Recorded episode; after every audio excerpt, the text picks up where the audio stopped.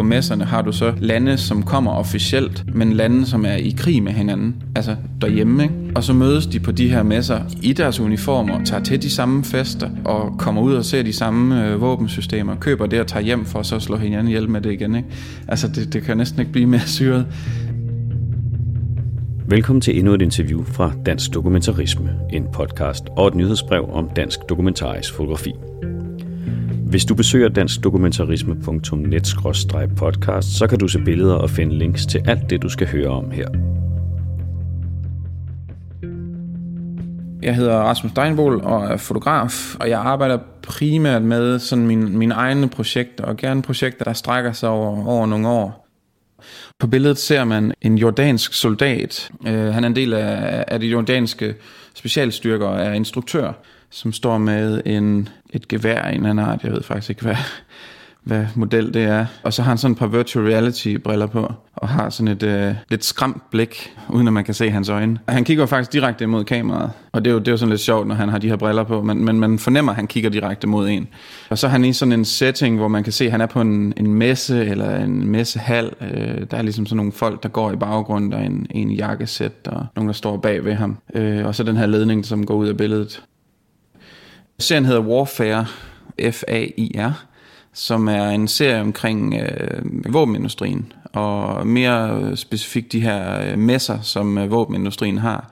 Og når man siger det, så de fleste folk er sådan, at man har våbenindustrien messer, ligesom vi kender det fra, øh, ja, alle brancher har deres, har deres messer. Øh, men det har våbenindustrien også. Man gør jo så en masse forestillinger øh, omkring, hvordan ser sådan en våbenmesse ud, og hvad, hvad foregår der? Og er det sådan det vilde vesten, du ved, hvor folk render rundt med øh, pengebunder og dollars og bare shopper, shopper missiler og våben? Og sådan er det faktisk ikke. Der er sådan en enorm struktur på det. Og på den måde er det også meget genkendeligt fra andre typer messer. Men det er der, det bliver surrealistisk. Det er, at, hvor du er vant til at gå på øh, andre messer og se du ved, ting. Jamen, så er det så bare øh, 10 meter høje missiler og AK-47 og hvad, hvad der ellers findes øh, af våbensystemer. På de her messer, der, der bliver aldrig talt om død. Det hele det er sikkerhed. Altså det hedder, industrien hedder også defense industry. Så det hele handler om sikkerhed og forsvar. Der er aldrig nogen sådan aggressive øh, tekster eller billeder af folk, der bliver skudt eller sprunget i stykker. Det er der simpelthen. Det er fuldstændig støvsuget for det. Øh, så på den måde er det jo også en spøjs verden, hvor alle mener, at de beskytter sig mod hinanden. Øh, men der er jo nogle steder, de her våben er nødt til at blive brugt til at slå folk ihjel. De første par dage, så har du de officielle delegationer, som er øh, officielle repræsentanter fra landenes militær. Det vil sige, de kommer i deres fulde uniformer. Og det er jo der, hvor det hele bliver sådan lidt nærmest surrealistisk. Det er jo, at du har på messerne, har du så lande, som kommer officielt, men lande, som er i krig med hinanden altså derhjemme, ikke? og så mødes de på de her messer i deres uniformer, tager til de samme fester, og kommer ud og ser de samme øh, våbensystemer, køber det og tager hjem for så at slå hinanden ihjel med det igen. Ikke? Altså det, det kan næsten ikke blive mere syret. Så derfra så glider det sådan stille og roligt over i, at det bliver mere og mere jakkesæt, og derfra glider det over i, hvis jeg skal være sådan lidt, lidt øh, stereotyp, glider det over i at være mere og mere læderjakker øh, de sidste dage, eller den sidste dag typisk på, på de her messer, der er det private mennesker, som når de tager for eksempel tager en Kalashnikov op, så er du ikke i tvivl om, at, at ham her, han ved godt, hvad han har i hånden, og han ved godt, hvordan han betjener det. Øh, så det er helt tydeligt, specielt på nogle af de mellemøstlige messer, at der har du langt flere militser. De kommer, når det officielle program er overstået. Og så har du, så har du det faktum også på mange af messerne, at, at folk simpelthen er fulde fra morgen til aften. Øh, det var også noget, som jeg synes øh, fint nok, hvis du er til hestemesse i Herning, ikke? så er det fint nok, at du, du får noget at drikke. Men når du altså, skal ud og købe med missiler og våben for x 100 milliarder dollars, ikke? så er det lidt underligt, at folk er fulde fra morgen til aften.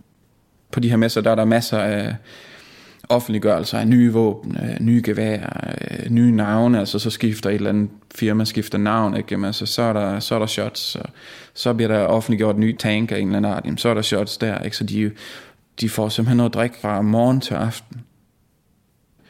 Der er rigtig mange mænd i jakkesæt, som jo aldrig nogensinde kommer til at have noget som helst med, øh, med fronten at gøre, altså derude, hvor våbnene bliver brugt. Og de, de her mænd, de taler et andet sprog, og noget af det, som jeg sådan øh, lå mærke til på messerne, det var, at man for eksempel aldrig talte om, hvor mange mennesker øh, kan den her raket slå ihjel.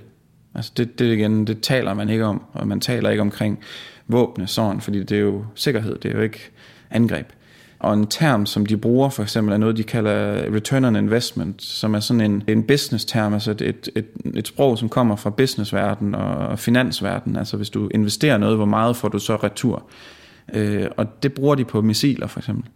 Mange, mange af producenterne, de har return on investment 50 meter. Jeg undrede mig over, hvorfor, hvorfor står det der? Så gik jeg hen og spurgte, øh, også fordi typisk så på missilerne, så kan du øh, opgradere det med stålkugler, så får du en bedre return on investment. For eksempel så opgraderer du missilet med stålkugler, så har den return on investment øh, 100 meter i stedet for 50. Og igen, når du så spurgte, hvad betyder det her return on investment, så var interviewet lynhurtigt slut, øh, fordi de jo lurer, at man har en eller anden, en, en, en eller anden kritisk vinkel på lige at forstå det. Øh, men det betyder selvfølgelig, at inden for 50 meter, der, der slår den øh, 100% ihjel.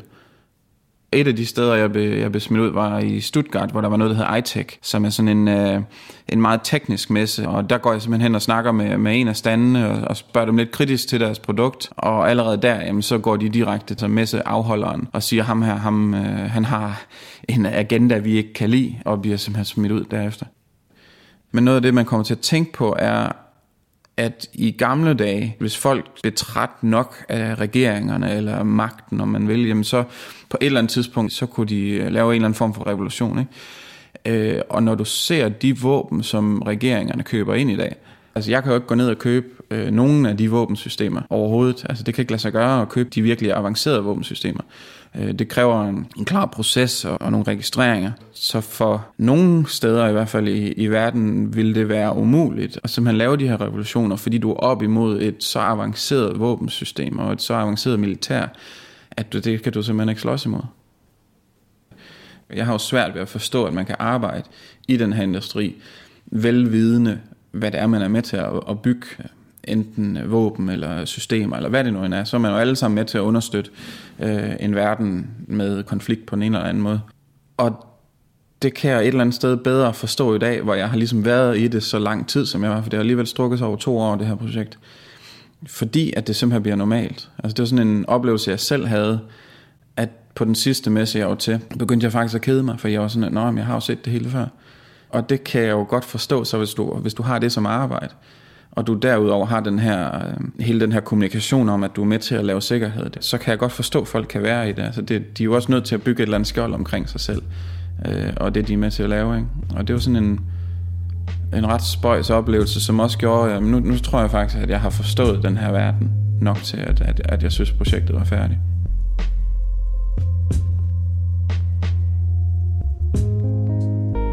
Du kan som sagt finde links til Rasmus hjemmeside på danskdokumentarisme.net-podcast.